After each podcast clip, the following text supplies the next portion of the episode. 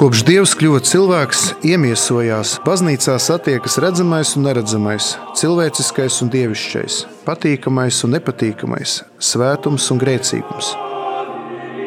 Kā tikt galā ar šo paradoxālo spriedzi?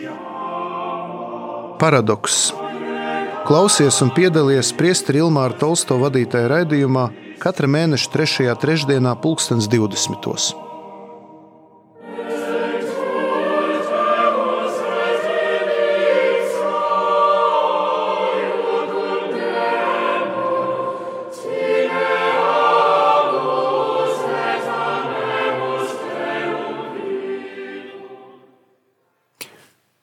Slavēts Jēzus Kristus!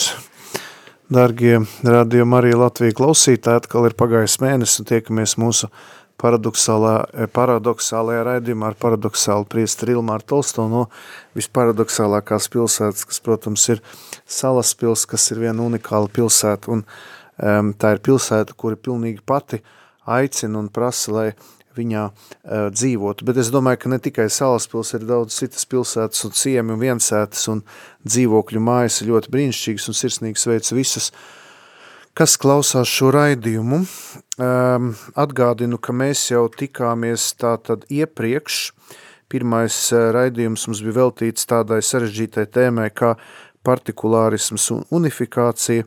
Pagājušo mēnesi mēs runājam par svētiem rakstiem un tradīciju, Un šoreiz mēs runāsim par tādu principu, kas latīniski saucās ekstra eklēzija nulla saluses, tieb ārpus baznīcas nav pestīšanas, un kā saskaņot eh, šo patiesību, jā, šo paradoxālo patiesību, ka katoliskajā baznīcā ir pestīšanas elementu pilnība, tātad mēs atzīstam un ticam, ka katoļu baznīca ir īstā, vienīgā Kristus dibinātā un, un baznīca, kur viņš ir vēlējies, bet kā saskaņot to, ka ir arī citi kristieši, citas konfesijas, un arī viņi tic Dievam, arī viņi tic Kristum, eh, lūdzās, un kā šo savienot, kā, vai tad, atte, vai tad nozīmē, ka mums jāatsakās no tā, ka mums ir šī patiesības pilnība, vai no otras puses atkal jāsāk nicināt šie eh, citi kristieši.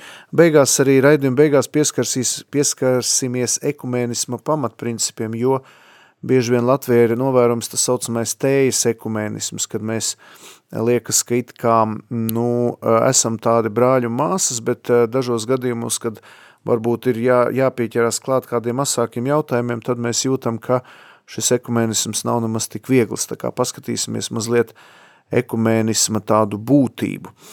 Un eh, pašā sākumā grib teikt, ka Kristus patiešām nākot šajā pasaulē, viņš vēlējās dibināt baznīcu ir dažādi liberālie teologi, kas uzskata, ka Jēzum nemaz nebija doma dibināt baznīcu, ka viņš atnāca kā tāds hipijs, kā tāds mazs vai liels revolucionārs savāca tādus sekotājus, kas protestēja pret varu, pret, pret bagātniekiem, tāds, daži viņu sauc pat par tādu kā pirmo komunistu, kas sludināja sociālismu, un, un viņš vēlējās, lai viss būtu skaisti un laimīgi, un beigās, kad viņu piesita krustā, tad uh, vēlāk jau apustuļi, ja tā var teikt, izdomāja baznīcu, kura tad nemaz nav ar Kristu saistīta. Es saku šā, šādas te, nu, teorijas, kuras baznīca, protams, neatzīst un atmet, bet ja mēs skatāmies tā dziļāk, tad mēs redzam, ka Jēzus jau pašā sākumā izvēlējās 12 apustuļus, kas, protams, ir, šis skaits nav nejaušs, tātad tas ir 12 Izraēļa ciltis, viņš sapulcina šo jauno tautu, Kahāl Jahve, tātad Jahvas sapulcinātie ļaudis, un viņš izvēlās no šiem 12 sekotājiem apustuļiem Pēteri kā apustuļu galvu. Un viņš arī dod konkrētas norādes, viņš uztic viņiem varu, tātad eh, grēku atlaišanas un saistīšanas varu, viņš arī, ja jūs saka Pēteri Mateja evaņģēlī 16. nodaļā, 18. pantā, to es Pēteris no šīs klinces celšu savu baznīcu, un ir Jāņa evaņģēlī beigās viņš saka, gani manas jērus, gani manas savis. Un eh, mēs redzam, ka tātad šī baznīcas iedibināšana, eh, apustuļu izvēlēšana, arī sakramentu iedibināšana, katrs no septiņiem svētajiem sakramentiem, tātad mēs atrodam viņu iedibināšanas, ja tā var teikt, iedīgli, un Jēzus patiešām vēlējās, lai baznīca turpina viņa iesākto darbu. Un pēc Jēzus nāves un augšām celšanās, tad apustuļi nobijušies, Jēzus jau kā augšām cēlies kungs nāk viņus Eh, tā tad um, iedrošināt, um, aicina Tomu, kurš ir tā saucamais neticīgais ielikt rokas Jēzus rētās un atzīt, ka Jēzus ir tātad, viņš saka, mans kungs un mans dievs, un vēlāk arī, kad viņš uzkāp debesīs, viņš dod šo sūtību, iet pa visu pasaules, lunāt evaņģēliju, kristīt un izplatīt labo vēsti, un vasarsvētkos tātad šī jaunā kopiena baznīca saņem svētā gara svaidījumu, un baznīca ja tā var teikt, sāk darboties. Kaut arī mēs zinām, ka baznīcas dzimšana var uzskatīt arī to brīdi, kad no Jēzus pārdurtā sāna izplūst asins nūdens. Un eh, pirmajos gadsimtos tātad eh, baznīca ļoti dzīvi darbojās, izplatījās ar lielu spēku, ar lielu tādu drosmi, bet jau tajos pašos pirmajos gadsimtos sāk dzimt dažādas sektas baznīcas iekšienē, arjāņi, kas noliedz ehm, Jēzus pa pilnīgu dievišķību, tāpat arī daudzi nestoriāņi, dokētisti, manihejieši un daudz, daudz citi, te šī raidījumā ne, neiešu tajās visās īkās detaļās, un e, pirmajos gadsimtos baznīca tika saukta par oikomene, un grieķu pasaulē oikone, oikomene, tā ir visa grieķu un barbaru pasaule, respektīvi teritorija, kur pazina tā laika cilvēki. Bībelē arī dažās vietās tiek lietots vārds oik, oikoumenen, Lūkas evaņģēlī otrajā nodaļā, pirmajā pantā, ķeizēs augusts liek sarakstīt iedzīvotājs visā valstī, tātad oikomenē. Un arī pirmo gadsimtu konsili, kuri tika sasaukti, lai mazinātu spriedzi baznīcā, lai precizētu dogma, dogmatiskās patiesības, ja precīzāk jau nu, izstrādātu, es ticu, kredo, to, ko mēs katru svētdienu lielos svētkos arī lasam vai dziedam vai lūdzamies, uh, Un, bet šie koncili bija arī, eku, viņu sauc par ekumēniskiem, bet ekumēniski tādā nozīmē, ka tie bija vispasaules. Tātad jau parādās šī izpratne, ka baznīca ir universāla, ka viņi ir visā pasaulē. Vēl tik plaši nelieto vārdu katolikos, tas nozīmē universāls, tāpēc arī pirmie koncili – tiek saukt nevis par katoliskiem konciliem, bet par ekumēniskiem konciliem, tātad vispārēji universāli, bet tas jau ir kā sinonīms katoliskajiem. Un eh, tajos 3., 4., 5., 6. gadsimts nevarēja būt vispār runa par to, ka ir vēl kāda cita baznīca. Tātad ir viena ek ekumēniska, katoliska baznīca, kas ir universāla, kurā ir klātesošs Pētera primāts, tātad Pētera kalpojums, pāvesta kalpojums, Un um, tātad ap Pēteri, ap pirmo pāvestu un nākamajiem pāvestiem pulcējas bīskapi, episkopoja viņu palīgi presbiteroja priesteri un viņu palīgi diakonoja. Un eh, tātad pat ja bija sektantiski grupējumi, eh, tomēr baznīca ar viņiem diezgan veiksmīgi cīnījās, tika galā īpašajos pirmajos eh, četros koncilos. Un tā tas būtu viss ļoti skaisti un jauki – ja nesāktos šķeltnieciskās tendences. Un eh, ko es gribu pateikt, lai mēs nepārlaktu tēmām pāri, 7. gadsimtā dzīvoja tāds man ļoti mīļš svētais, es nezinu, jūs viņu pazīstat vai ne, svētais Fulgensijas no Rispes. Man viņš ir ļoti svarīgs, jo viņš bija arī teologs, viņa uh, teksti iekļaut arī breviāra lasījumos, un viņš izstrādāja tēzi, ko patiesībā jau svētais Augustīns pirmais jau lietoja, bet viņš viņu radikalizēja. Un eh, tā kā 6. gadsimtā, 6. 7. gadsimtā eh, tā tad eh, gandrīz visa Eiropa kļuva katoliska, nu, tas ir tās teritorijas, kur, kuras viņi pazina, viņš izstrādāja tēzi extra eklezija nulla salus est. Tā tēze nozīmē, ka ārpus baznīcas nav pestīšanas. Tātad, ja tu esi ārpus katoliskās baznīcas, tu ej pazudināšanā. Ja tu esi katoliskajā baznīcā, tu tiec pestīts. Baznīca tika uzsverta kā tāda glābšanas laiva, sala, kurā cilvēki varēja saņemt pestīšanu. Ja tu biji ārpus baznīcas, tu ej pazudināšanā. Tātad, ja pirmajos gadsimtos tāds uzskats vēl netika tik ļoti radikalizēts, jo kristieši bija maz un, un kristiešiem arī neinteresēja pagānu, jeb nekristiešu pestīšanu. Pirmo gadsimtu kristieši uzskatīja, ka viņi ir šī izredzētā tauta, tātad Jēzus Kristus mesijāniskā kopiena – šī sapulcinātā tauta sasauktie ļaudis, un viņiem bija svarīgi noturēt savu ticību neskartu, tātad tīru, bez piemaisimiem, izstrādāt e, jaunās šīs ticības, e, katoliskās ticības pamatus, tātad kredo, e, noteikt, kam tad kristieši tic, un nostiprināties savās pozīcijās, pārliecībā un, un, turpi, un, is, un misijās veikt šo evanģelizāciju tautu. Bet 6. 7. gadsimts jau bija tāds, kur baznīca jau bija diezgan nostiprinājusies tagadējā Itālijas, Spānijas, Francijas teritorija, arī Vācijas, un tad viņi, tā tad bija jautājums, tā tad, ja tu piederi pie katoliskās baznīcas, tu tiksi glābts, bet ja tu esi ārpus katoliskās baznīcas, tu nonāc ellē un tiec pazudināts. Un šāda koncepcija pastāvēja baznīcā ļoti, ļoti ilgi. E, līdz kuram laikam to es tā pateikšu, viņi jau arī tagad nav atcelti. Es gribu teikt, ka mēs jau arī tagad uzskatām, ka ekstra eklezija nulla salus est. Ārpus katoliskās baznīcas nav pestīšana. Dieva dēļ nedomājiet, ka es esmu kļuvis modernists un tagad atsakos no katoliskās ticības patiesībām. Eh, kungs pasargā mūs no šīm briesmām atteikties no svētās katoliskās ticības. Bet par to, kādas notika izmaiņas, parunāšu vēl, bet tad mēs, tūlīt mēs arī dosimies muzikālajā pauzē, bet ko es gribu pateikt, tā tad mēs esam 7. gadsimtā, Baznīca ir nostiprinājusies, viņi ir izstrādājusi, tātad nevis izstrādājusi, bet balstoties svētajiem rakstiem tradīciju, ir izkristalizējusi to, kam viņa tic, tātad ir noprecizēts kredo. Protams, jau notiek austrumu un rietumu baznīcas tāda atsvešināšanās, Bizantijā veidojas, var teikt, baznīca, kas ir jau savādāk, grieķiska baznīca, Romā rietu, rietumos tā tad ir šī rietumu baznīca, latīniskā baznīca, jau parādās pirmie šo abu divu austrumu rietumu baznīcu tādu šķelšanās aizmetņi, bet baznīca kļūst stiprāka, viņa iesakņojas tajās tautās, bijušajās pagānu tautās, tātad gallu, franku, romāņu tautās, ciltīs, un viņi jau diskutē par to tātad, kā tie, kas ir nekristīti, kas ir ārpus baznīcas, viņi tiek pazudināti. Un var teikt, notiek tāda lieta, ka cilvēks, kurš nav baznīcā, viņš tiek arī izolēts no sabiedrības, jo sabiedrība kļūst ļoti katoliska, un tie, kas negribēja vai kā nevarēja, negribēja pieņemt šo katolisko ticību, viņi tika izslēgti no sabiedrības. Un šis uzskats, ekstra eklēzija nulla salus est, jeb ārpus baznīcas nav pestīšana, viņš tik ļoti radikalizēts. Un svētais Fulgencijas no Rispas, viņš tā kā to radikalizē, Bet tas nebija tā kā aiz ļaunprāt, vienkārši viss bija skaidrs. Ja Itālija, Spānija, Francija, Vācija un daudz citas zemes kļūst katoliskas un, pie, un ticību pieņem veselas tautas, ne tikai individu, bet tautas.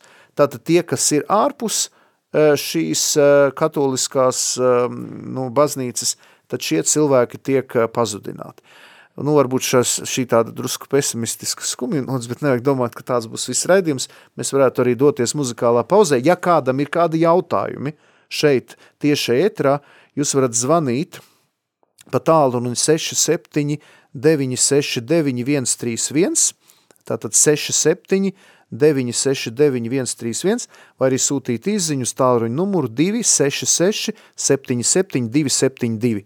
266 77 272. Venimus adiventia, quenic disponis omnia, ven viam prudentiae, udoce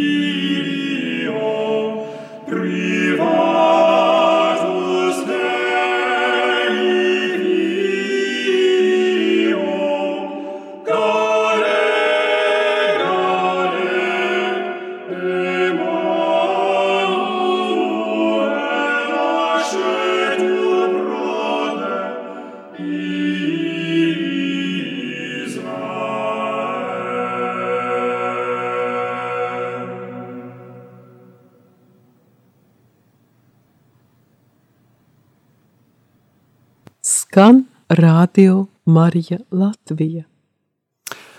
Dargie Radio Marija Latvija klausītāji, jūs klausāties vienkārši unikālu, spēcīgu un izklaidējuši intelektuālu raidījumu paradoksu ar paradoxālu priesteri Ilmāru no paradoxālās pilsētas Salaspils.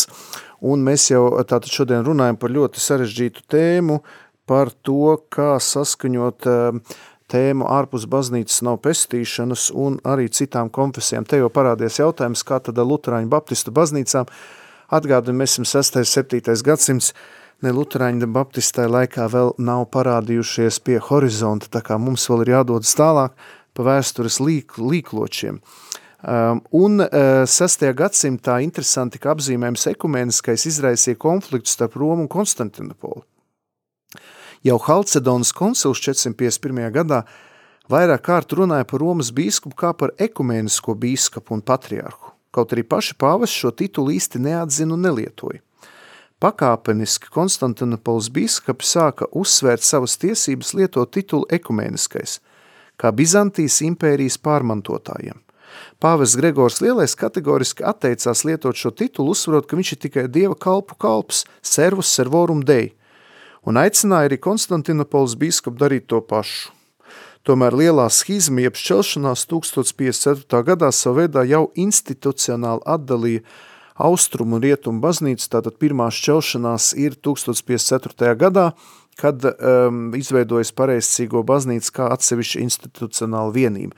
Bet Romas katoliskā baznīca joprojām uzskata, ka uh, viņai ir vienīgais patiesības depozīts un patiesībā arī, arī, eh, patiesībā arī eh, katoļu baznīca tātad sākumā pat nolādēja eh, pareizcīgos, un šīs, šī anatēma tika atcelta tikai pagājušā gadsimta vidū, kaut arī nemitīgi katoļu baznīcā parādījās um, tādas vēlmes apvienoties ar pareizcīgo baznīcu. Piem tā paša, mēs zinām, šis te priesteris, kuru mēs pieminam, uh, ja nemaldos, Andrzejs Bobola, un uh, viņš tā tad uh, bija tas, kurš vēlējās nu, tā tad izlūgt, uh, izlūgt žēlastību grieķu um, tā tad um, pareisticīgiem Ukraina un tā dzimst grieķu, grieķu katoļi. Un, protams, ka 16. gadsimts reformācija, kas vēl vairāk sašķeļ rietumu baznīcu Un atkal tātad parādās, te jau bija minēti, parādās luterāņi un baptisti, kas atšķeļās no katoliskās baznīcas, bet, kā es vēlreiz teicu, šis princips ekstra eklēzija nulla salus es netika atcelts, un katoliskā baznīca vēl stingrāk pēc 16. gadsimta sāk vēl stingrāk sludināt, ka visi, kas nav ar katoļu baznīcu saistīti, viņi tiek pazudināti, viņiem nav iespējama glābšana, un izveidojās tāds teoloģisks termins, ko sauc par ekskluzīvismu. Tātad mēs esam vienīgie pareizi, un visi pārējie, tā sakot, degs elles ugunīs. Un šāds uh, uzskats baznīcā pastāvēja ļoti, ļoti ilgi, līdz pat Vatikāna otrajam koncilam. Protams, uh, mēs šeit runāsim par uh, tātad 20. gadsimta sākumu, jeb 19. gadsimta beigām, kur 1910. gadā Edinburgā sanāca tāda pirmā vispasaules misiju konferences, ko organizēja kāda metodistu laju kristiete Jonna Motta. Un šajā konferencē klātesoši bija tikai protestantu kristieši, un viņi e, tātad nolēma, ka īpaši misiju jomā ir jāsāk sadarboties. Bet katoļu baznīca šajā konferencē nepiedalās un uzskatīja, ka tas viss ir herētiski. Tātad viss, visi pārējie katoļi, luterāņi, tas ir luterāņu baptisti, visi pārējie, visi ir, ir atkrituši un mēs esam vienīgie pareizi.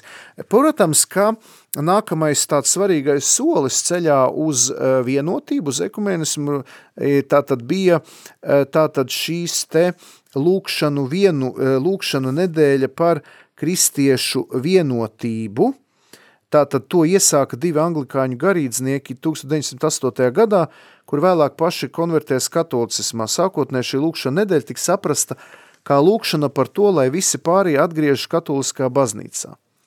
Tomēr 1935. gadā franču garīdznieks Paul Courtier no Lionas ierosināja lūgties nevis par citiem kristiešiem, bet gan kopā ar viņiem. Pakāpeniski šī lūkšana nedēļa attīstījās kā visu kristiešu kopīga lūkšana un kļuva par katoliskās baznīcas lūkšanas centrālo asi. Tomēr – katoļu baznīca ļoti stingri joprojām aicināja izvairīties no vispār no kaut kādām komunikācijām ar citām, ar citām konfesijām. Piemēram, piemēram pāvests Benedikts 15. 1919. gadā izdeva dekrētu, kurā tika norādīts, ka bez apustuliskā krēsla atļaujas – neviens nedrīkst iesaistīties ekumeniskā dialogā. Lielākoties tas bija saistīts ar to, ka tikko, dzim, tikko dzimusi ekumeniskā kustība sev ietvēra indiferentismu, liberālismu briesmas. Tātad, eh, kad viss kļūst vienāds, un tā, to es saucu par tādu kā katolisko rosolu. Pāvests Pīs 11. gāja vēl tālāk, viņš publicēja encikliku Mortālium Animus 1928. gadā, kurā asi kritizēja ekumenisko kustību. Pāvests ļoti baidījās, ka jaunā ekumeniskā kustība radīs sajukumu konfesiju starpā, vai vairāk palielinās šķelšanos. Tātad eh, jāsaprot, ka baznīca tātad stingri uzstāja, ka ekstra eklēzija nulla salus est. Tātad eh, ārpus baznīcas nav pestīšana, un visi pārējie ir herētiķi, schizmatiķi, apostāti, viņus visus vajag zem inkvizīcijas un tā tālāk. Un mēs, piemēram, šodien mani klausoties, jums liekas, ko es stāstu, tas ir šos arhaisms. Bet es vēlreiz gribu pateikt, ka tas bija pavisam visam nesen. Tātad situācija sāka mainīties reāli tikai ar Vatikānu otro koncilu 1962-65. gads. Tātad jūs saprotiet, no Fulgencija no Rispes, no 7. gadsimta līdz 1965. gadam katoliskā baznīcā nebija iespējams vispār runāt par kaut kādu sadarbību ar citiem kristiešiem. Ilgu laiku pat katoļi nevarēja lūgties kopā ar citiem kristiešiem. Lai varētu būt kādas lūkšanas, bija jāsaņem speci speciāli Vatikāna atļauja. Tātad tas bija, tā bija ļoti skaidra apziņa, ka katoliskajā baznīcā ir šis patiesības depozīts un visi pāri ir atkrituši. Un to sauc par ekskluzīvismu. To es gribu aicināt atcerēties, bet es gribu arī teikt, ka šobrīd baznīca ir aizgājusi prom no ekskluzīvisma – Tātad viņa vairs neuzskata, ka viņa vienīgā ir pareizā, bet nav atcelts termins ekstra eklēzija nulla salusest. Tātad, te, te, tātad šis, šis uzskats kārpus baznīcas nav pestīšana, nav atcelts, bet mēs esam atteikušies no ekskluzīvas. Un lai saprastu, kāds ir autentiskais ekumēnisms tagad katoliskajā baznīcā, ir jāsaprot, kāda ir baznīcas koncepcija – balstoties uz Vatikāna otro koncilu, jo principā revolūcija e, katoliskā ekumēnisma jautājumā radās tieši tad, kad Vatikāna otrais koncils pārdomāja, kas ir baznīca, jo pirms koncila baznīca tika uzsver, uz, uztverta kā um, vertikāla hierarhiska institūcija, Eh, un vairāk tika uzsvērts šis ārējais, eh, šis, šī ārējā dimensija, šī ārējā struktūra. Tam bija savi iemesli, jo reformācija 16. gadsimtā uzsvēra neredzamo baznīcu, garīgo baznīcu, biblisko baznīcu, baznīcu, kur vada dievvārds, kuru apvieno ticība Kristum, un tāpēc baznīca pretojoties reformācijai, ejot šo kontreformācijas ceļu, uzsvēra ļoti strikti ārējo dimensiju, un tāpēc viss, kas bija nesas, nesaskanīgs ar baznīcas ārējo struktūru, nu, protams, ka baznīca vienmēr ir bijusi gan ārējā, gan iekšējā, bet es vēlreiz saku, tika uzsvērts. Baznīca jau nezaudēja savu iekšējo būtību, bet tika uzsvērts un izcelts šis ārējais redzamais aspekts, ja, šī dimensija. Un tāpēc arī radās šīs te tādi pārspīlējumi, ko mēs saucam par ekskluzīvismu. Tas ļoti traucēja sadarbībā ar citiem kristiešiem, bet tomēr uh, Vatikāna otrais koncils veica dziļu recepciju, jeb dziļas pārdomas par to, kas viņa pati ir baznīca, kas tu esi. Un šīs pārdomas par baznīcu ļāva baznīcai atvērties uz citu konfesiju brāļiem un māsām, atvērties uz citu konfesiju brāļiem un māsām, neatkāpjoties no šī principa, ārpus baznīcas nav pestīšana.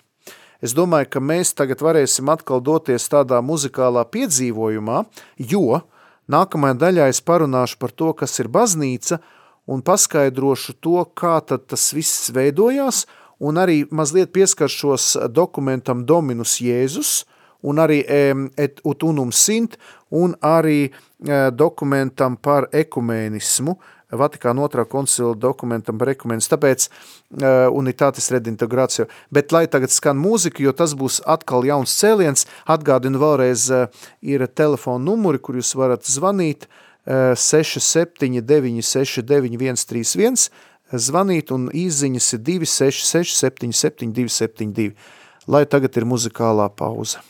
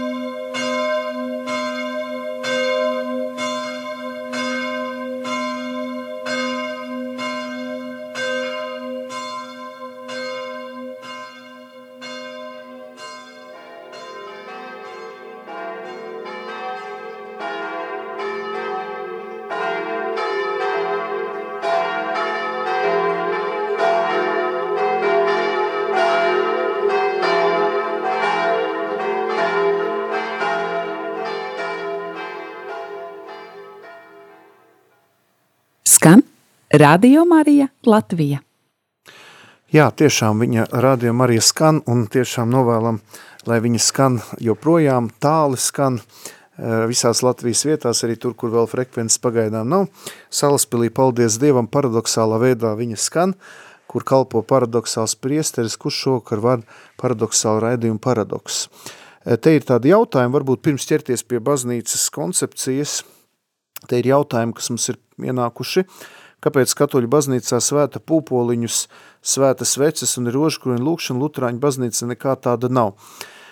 Nu, jāsaprot to, ka e, luteriskā baznīca savu ticību balsta uz Dievu vārdu, un tas ir ļoti svarīgi e, tātad kristiešiem, un e, šīs te sakramentālīs, jeb ticība, ka tātad Dieva žēlstība tiek dota caur redzamām zīmēm luteriskajā un arī citās protestantu baznīcās nav tik izteikti. Es zinu, ka luterāņu baznīcā arī šo to svēta, bet varbūt netik lielā apjomā, kā tas ir mums – un ir, piemēram, arī katoļu lokālās baznīcas, kura nemaz nesvēta pūpolus vai sveces, un jāsaprot arī katoļu baznīcā, piemēram, mēs esam pieraduši, ka pūpols svētdienā met pūpols, bet citās valstīs tās ir palmas, jā. Tā kā es gribu teikt, ka mums katoļu baznīca arī ir ļoti liela dažādība, kas skar Āfriku vai, vai Latīņu Ameriku vai Indonēziju vai kāda cita zemes. Tā kā, nu, mēs redzam, ka ir dažādība, bet tas netraucē mums būtiskām lietām. Es domāju, ka svarīgi, ka mēs katoļu luterāņu baznīcā kopīgi lasam Dievu vārdu un slavējam Dievu viņu pielūdzam. Nākamais jautājums, kā argumentēt jau pieaugušam cilvēkam, ka ir labi ticēt Dievam, ja šis cilvēks skolas laikā ir pārliecināts, ka kristieši slepkavas. Nu, jāsaka, ka, nu, ko nozīmē slepkavas? Mēs redzam, ka kristietība ir dažādos vēstures periodos piedzīvojuši dažādas attīstības stadijas, un bija periods, ka kristīgā ticība bija saistīta ar laicīgo varu, un, kā es teicu, agrīnos un vēlīnos viduslaikos Eh, katoliskā pasaule bija visa Eiropa un visi valdnieki bija katoliski, un līdz ar to viņi nevienmēr rīkojās pēc evaņģēlī. Un tāpēc jau nav vainīga kristīgā ticība, ka viņas sekotāji eh, rīkojas eh, nelietīgi. Jāatcerās, ka mēs esam grēcinieki, un svētie ir tikai tie, kas ir izcīnījuši svētumu slavu dzīves laikā. Tāpēc eh, mēs mīlam grēcinieku, bet nemīlam grēku, un eh, jāsaprot, ka eh, slepkavas jau ir arī pagāni un ir arī musulmaņi, nu, es domāju, ka te ir jautājums par to, ka cilvēks varbūt ir ieņēmis šo lietu galvā un uzlicis viņu kā tādu vairogu aizsargu, ka viņš nevēlas iedzināties, bet es domāju, ka nevajag speciāli argumentēt, es domāju, ka vajag lūgties par šo cilvēku un turpināt liecināt par kristīgās ticības patiesību. Tagad mēs esam atbildējuši jautājumiem, bet tagad pieķersimies klāt baznīcai. Tātad, ko Vatikāna otrais koncils saprata? Vatikāna otrais koncils pasludināja, ka Kristus dibinātā baznīca, ko Kristus ir vēlējies, viņa vispilnīgākā veidā pastāv un tiek lietots speciāls teoloģisks termins subsistit in, jo varēja lietot vārdu est latīniski. Un uh, pirms koncila tika uzskatīts, ka Kristus baznīca ir katoliskā baznīca. Tas uzmē, ka tika uzskatīts, ka Kristus dibinātā baznīca burtiski precīzi identificēs, identificēs katolisko baznīcu, un ārpus šīs identifikācijas nekas uh, kristīgs nevarēja pastāvēt. Un tomēr katoliskā baznīca ir sapratusi, ka jā, mēs nemainam iepriekšējo koncepciju, ka Kristus baznīca pastāv, jeb pilnīgākā veidā eksistē katoliskajā baznīcā, bet, un tas sako ļoti svarīga piebilde, arī ārpus tātad šīs redzamās katoliskās baznīcas, kurā pilnīgākā veidā pastāv, jeb subsistit Kristus dibinātā baznīca, pastāv katoliskie elementi. Un līdz ar to mūsu kā katoļu uzdevums ir – meklēt katoliskuma elementus citu konfesiju brāļu māsu dzīvēs, draudzēs un konfesijās. Un par tik par cik citu konfesiju kristieši lieto katoliskos pestīšanas elementus kaut nepilnīgā veidā, par tik mēs viņus sau, sau, varam saukt par katoliskiem. Līdz ar to katoliskums ir daudz plašāk nekā redzamā katoliskā baznīca. Vienkārši katoliskā baznīca – redzamā katoliskā baznīca ar savu struktūru, ar savu būtību īsteno, jeb realizē Kristus baznīcu, bet viņas žēlastības, viņa, Kristus baznīcas neredzamās klātbūtne ir daudz plašāka. Un tāpēc mēs uz citu konfesiju kristiešiem raugamies nevis ar nosodošu, nevis pat, nu jā, varbūt dažreiz pārākumu, jo mums ir šo pestīšanas elementu pilnība. Bet mēs raugamies uz brāļiem un māsām kristiešiem ar tādu skatienu, ka mums ir šīs bagātības, kuri, vi, kuras viņi ir paņēmuši, varbūt no daudzām ir atteikušies vai izrevidējuši vai, vai izselektējuši, bet viņi to lieto. Viņi lieto svētos rakstus, kuri dzima katoliskās baznīcas tradīcijā, ja kā mēs pagājušā redzējuma runājam, vispirms bija tradīcija un tad bija rakstiski pierakstītais vārds. Ja. Viņi lieto daudz citus mūsu elementus, un mums par to vajag priecāties, jo viņi realizē katoliskumu savās draudzēs kaut nepilnīgā veidā. Un līdz ar to šis revolucionārais Vatikāna otrā koncila skatījums bija kā tāds milzīgs sprādziens – katoļi vairs nevis sāka nosodīt eh, citu konfesiju kristiešu, bet tieši otrādi saskatīt, saskatīt viņos, eh, saskatīt viņos kā brāļus un māsas un kā sadarbības partneris, un es varu teikt, ka kas ir vēl interesantāk, ko arī uzsver unitātes redintegrācija vai šis dokuments vai ut unum sint, ka eh, varbūt, ka daudzu citu konfesiju brāļu māsas E, lieto šos mūsu katoliskuma elementus īpašāk, izteiktāk nekā mēs, kas būdami katoļi. Mums ir zvans e, studijā. Jā, klausamies. Kristīgais radio? Ne, kristīgais Marijas radio. Jā, klausos, klausamies. Dzirdēju tādu lietu, nu, es biju pavisam tagad aizgājis prom no Dievu, biju kritis apgrēcībā, salauz kāju, un tagad es esmu pie veselības, un es gribu atgriezties apakaļ pie Dieva. Vai tas katoļu baznīcā ir iespējams, vai tas nav? Paldies par jūsu jautājumu. Paldies par jūsu jautājumu. Tātad katoļu baznīcā ir iespējams atgriezties, jeb iegriezties jebkuram cilvēkam. Tātad ir vajadzīgs meklēt draudzi, uh, ir vajadzīgs meklēt garīdznieku un jautāt, es, protams, nezinu, kādā jūs esat tādā, nu, tādā stāvoklī, tā ziņā, vai jūs esat kristīts vai ne, vai jūs bijāt katolis, tad aizgājāt uz citu konfesiju un gribat atgriezties, bet jebkurā gadījumā katoliskā baznīca ir kā māte, kas ar savām atvērtajām rokām gaida visus savus bērnus, un tāpēc, kad es dodos pie kāda luterāņa vai baptista vai pareisticīgā, es uz viņu raugo, raugos kā uz brāli un māsu, kurš kaut arī nepilnīgā veidā, tas ir no manas izpratnes, bet viņš īsteno katoliskumu. Es viņā ieraugu katoliskumu, un es gribu atgriezties pie tās tēzes, kas mums bija, ko es vēl pirms šī zvana teicu, ka daudzos gadījumos citu konfesiju brāļu māsas īsteno mūsu katoliskās vērtības, jeb dārgumus daudz intensīvākā veidā nekā mēs paši. Līdz ar to var teikt, ja piemēram luterāņi baptisti lasa bībeli daudz aktīvāk, dziļāk vai slavē, vai evaņģelizē, vai misionē, vai ko dara, tātad viņi ir vairāk pat katoliski, nebūdami katoliskajā baznīcā institucionāli, kurā ir šī pestīšanas elementa pilnība, viņi vairāk katoliski nekā mēs katoļi, kas būdami institucionāli iekļauti, eh, bet tomēr neīstenojam šīs, pat, šīs vērtības. Un tāpēc viņi kļūst mums par tādiem kā lakmusa papīrieši, viņi kļūst mums par mūsu spoguli, par tām jomām, kur mums vajag augt. Es gribu citēt uh, pāvestu Benediktu 16. To, kurš savukārt citēja Svētu Augustīnu, bet kuru tātad Benedikts 16. citēja um, tātad režisors Her, Her, Hermanis, kad uh, viņš uzveda uzvedumu Baltais helikopters jaunajā Rīgas teātrī, uz kur man vēl bija iespēja aiziet pirms lockdowna, uh, un viņa tā, tā bija izrāda par pāvesta Benedikta pēdējām dienām, pirms viņš pasludināja, ka viņš iet tā kā pensijā, tā kā atkāpjas. Un e, tātad šajā izrādē arī parādījās šī Benedikta 16. doma, kur viņš ir smēlis no svētā Augustīna, kas skan tā, kad var gadīties, ka tie, kas ir ārā, vairāk ir iekšā, nekā tie, kas ir iekšā, varbūt ir vairāk kā ārā. Un tā doma, ka ne jau uh, šīs te baznīcas institucionālās struktūras mūs glābs. Tu vari būt institucionāli iekļauts, iekļauts katoļu baznīcā, tu vari būt nokristīts, tu vari būt pievests pie komunijas, tu vari būt salaulāts, tu vari visu kaut ko izdarīt, bet beigās tev nav personīga attiecība ar Jēzu. Un tāpēc nav automātiskās atpestīšanas, nav automātiskās glābšanas. Ir vajadzīga cilvēka sadarbība ar Dieva žēlistību, un tāpēc šis te fulgencija no rispes princips ekstra eklezija nulla salusēs, nu viņš jau bija agrāk jau no, jau no baznīcas tēviem šis princips. Viņš jau nav atcelts tikai jautājums, ja bija tas uzskats ārpus baznīcas nav pestīšana, kas tad ir ārpus?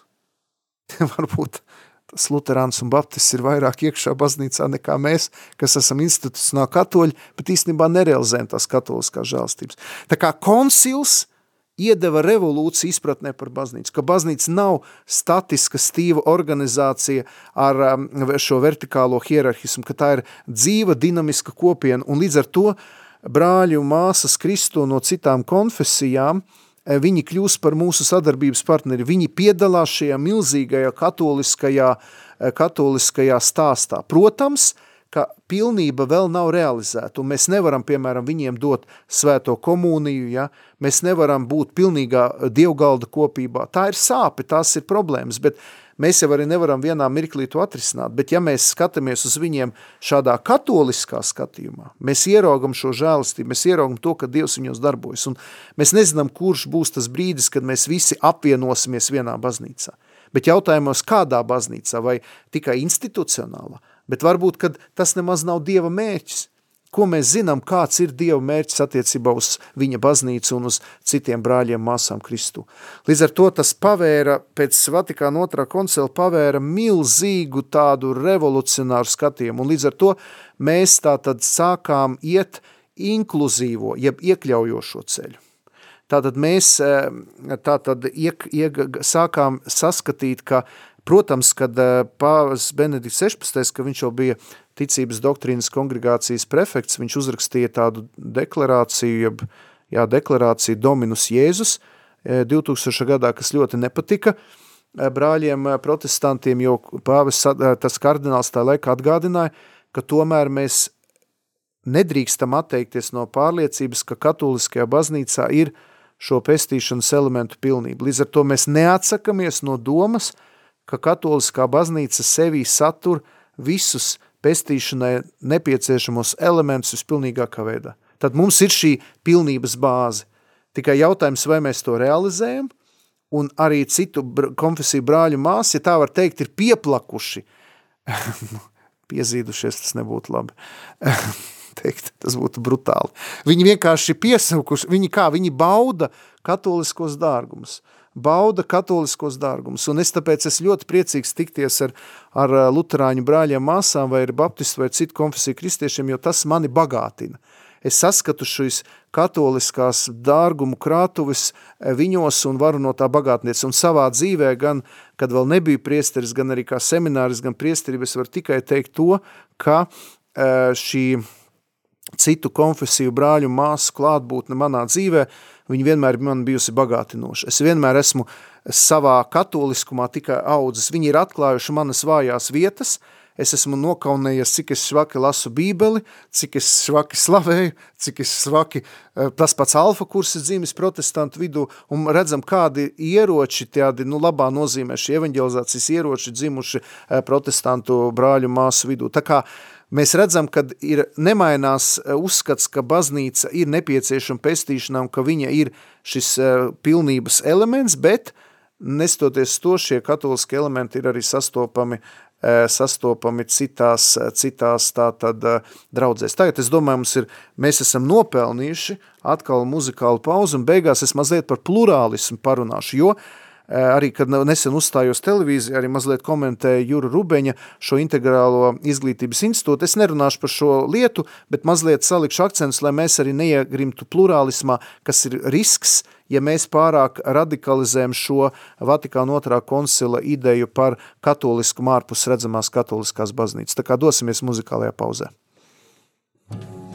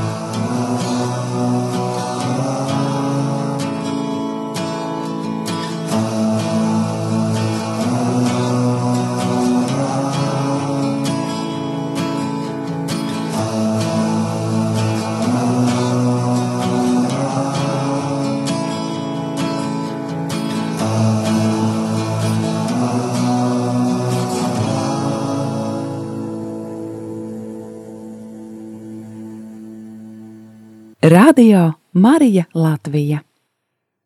Jā, rādījuma arī Latvija. Eh, Katoliskā balss jūsu mājās, mašīnās, te arī brīnišķīga ir īziņa. Labvakar, braucot mājā, klejos starp radiostaciju un uzdūros mūsu pašu RML. Prieks klausīties, paldies, ka mēs skaidrojam šīs lietas. Uzrunājuši, paldies arī jūs, ka jūs klausāties, ka neesat vienaldzīgi. Mums var teikt arī, ka manā mašīnā eh, absolūti valda Radio Marija Latvija. Paši adventa laikā esmu nobloķējis visu pārējo, jo gribu dzīvot tādā klusā, klusā brīdī. Te arī tāds jautājums, kāda atšķirība starp svēto vakarēdienu starp šīm baznīcām. Tātad eh, katoliskajā baznīcā eh, svētā komunija ir eh, absolūtai vienotības izpausme un realizācija un realitāte mūsu baznīcā. Līdz ar to svēto komuniju katoliskā baznīcā var pieņemt tikai tie, kur ir pilnīgā vienotībā ar nu, katoliskajā vienotībā, tāpēc, ka Euharistijā svētajā misē tiek pieminēts arī vietējais bīskaps pāvests, un, ja var, tā var teikt, Euharistija, svētā komunija, Euharistija arī veido baznīcu. Tas ir baznīcas avots un kalngals, kuru mēs tiecamies. Tāpēc arī, kamēr nebūs šī dievgalda kopība ar citām konfesijām, kopīgas vakarēdienas, tikmēr mēs nevaram runāt par šo pilnīgo vienotību. Tas ir mēķis, uz kuriem mums ir jādodas. Bet šobrīd mēs to nevaram, tāpēc, kad nav vēl šī pilnīgā vienotība. Tā kā varam lūgties par to, lai pienāk tāds brīdis, ka mēs varam baudīt kopīgi svēto komuniju, bet, lai tas notiktu, ir jāiztenojas ļoti, ļoti daudziem nosacījumiem. Tātad, kamēr mēs nesam šajā pilnīgajā vienotībā, mēs komuniju pieņemt nevaram.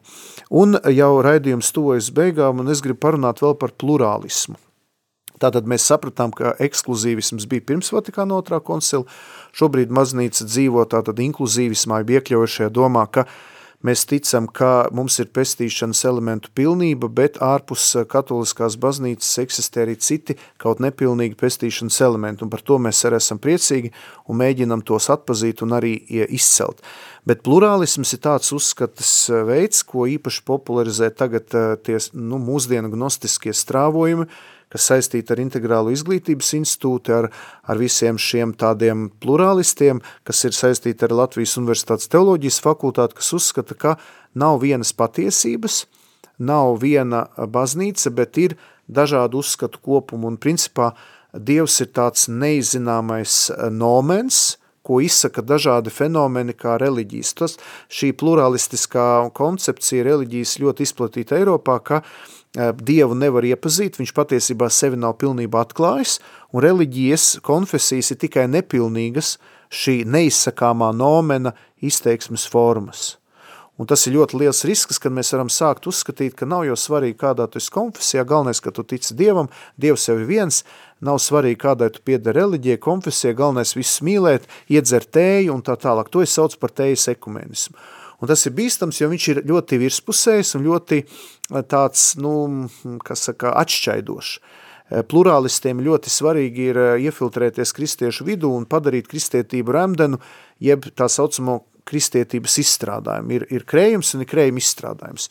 Tāpat šeit ir kristietība un kristietības izstrādājums. Tāpēc sargāsimies no plurālisma un nemēģināsim ekumēnismu pārvērst par tādu rosolu, kurā vairs nav atšķirības, nav vairs eh, būtiskās lietas, nav vairs patiesības, mēs vairs nemeklējam patiesību. Ja? Tā kā šeit ir ļoti svarīgi, eh, ka plurālisms ir absolūti nepieņemams katoliskai eh, baznīcā, un viņi arī no tā atsakās. Kaut arī plurālistiskas tendences ir liberāli plurālistiskās tendences, joprojām klātesoši, viņas mēģinās arī dominēt baznīcā, kā Eh, jo tas ir ļoti izdevīgi liberāļiem, jo tad vairs nevar runāt par morāli, par ētiku, par vērtībām, par patiesību, jā, jo tad viss ir izplūdes. Un tad ir vienalga, nu kāda starp kādu dzīvu, nu viss ir vienalga. Nu, mēs tāpat Dievu nevaram iepazīt, viņš ir apofātisks, jā, viņš ir šis neizsakāmais nomens, jā, kuru, kuru patiesībā neviens nevar iepazīt. Un arī katoliskā baznīca ir viena no šī neizsakāmā nomena uh, E, fenomeniem, jeb izpausmes formām. Tā kā, nu, esmu uzrakstījis arī recenziju Jurubeņa grāmatai, šis, e, šai grāmatai viņš un viņa, to var atrast internetā, un starp citu, īsa reklāmas pauze, pirms jau dodamies, jau atvadamies, e, šo piekdienu mums sāksies Salaspils katoļu draudzē rekolekcijas, kas arī būs saistīta ar šo tēmu, par ko es šodien runāju, tad 18 sāksies rekolekcijas, un arī manā blogā tolstovs.lv ir pieejama programma. Ja jūs vēlties šīs klusuma rekolekcijas ar maizi un ūdeni izdzīvot attālināti, jūs varat pieslēgties Salaspils katoļu draudzes YouTube kanālā un vienkārši piedalīties šajās rekolekcijās attālināti. Mēs vēl nevaram pulcināt cilvēkus, tāpēc šīs rekolekcijas, visas konferences un nodarbības tiks translētas. Tā kā no 17. līdz 19. Tā decembrim, piekdien, sestdien, svētdien, Salaspils katoņu draudzes YouTube kontā būs pieejamas šīs translācijas, kuras arī izvērstāk runāšu par svētā Cipriāna brīnišķīgo tēzi, kam baznīca nav māte, tam Dievs nevar būt par tēvu. Tā kā tas arī būs tāds skaists ceļojums svētā Cipriāna baznīcas tēva domā, idejās un aicinu tiešām mīlēt baznīcu, iepazīt baznīcu, studējot Rīgas augstākā reliģijas zinātņu institūtā, studējot bakalaura programmā, maģistrā, nu, ja kāda vēl pietiek spēka, arī drosmīgi dodamies tālāk uz doktorantūru. Šis paradoxālais stāsts ir noslēdzies, liels paldies visiem! Aicinu arī lūgties par kristiešu vienotību, janvārī būs šī nedēļa par kristiešu vienotību, lai mums izdodas tā patiesi īsti īstenot arī šo vienotību, nezaudējot savu katolisku identitāti, jo kristiešu vienotība nenozīmē, ka mēs pazaudējam savu katolisku identitāti. Paldies visiem, un eh, varam noslēgumā teikt, gods lai ir tēvam un dēlam un svētajam garam, kā tas no iesākuma ir bijis, tā tagad un vienmēr un mūžīgi mūžos. Āmen. Dieva tēva un dēla un svētā gara vārdā. Amen.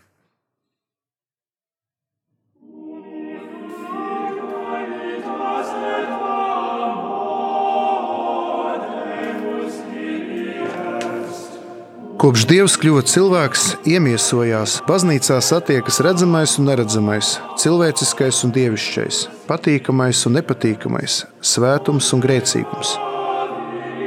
Kā tikt galā ar šo paradoxālo spriedzi? Paradoks Klausies un piedalies Priesteri Ilmāra Tolsto vadītajā raidījumā katra mēneša 3. trešdienā, 2020.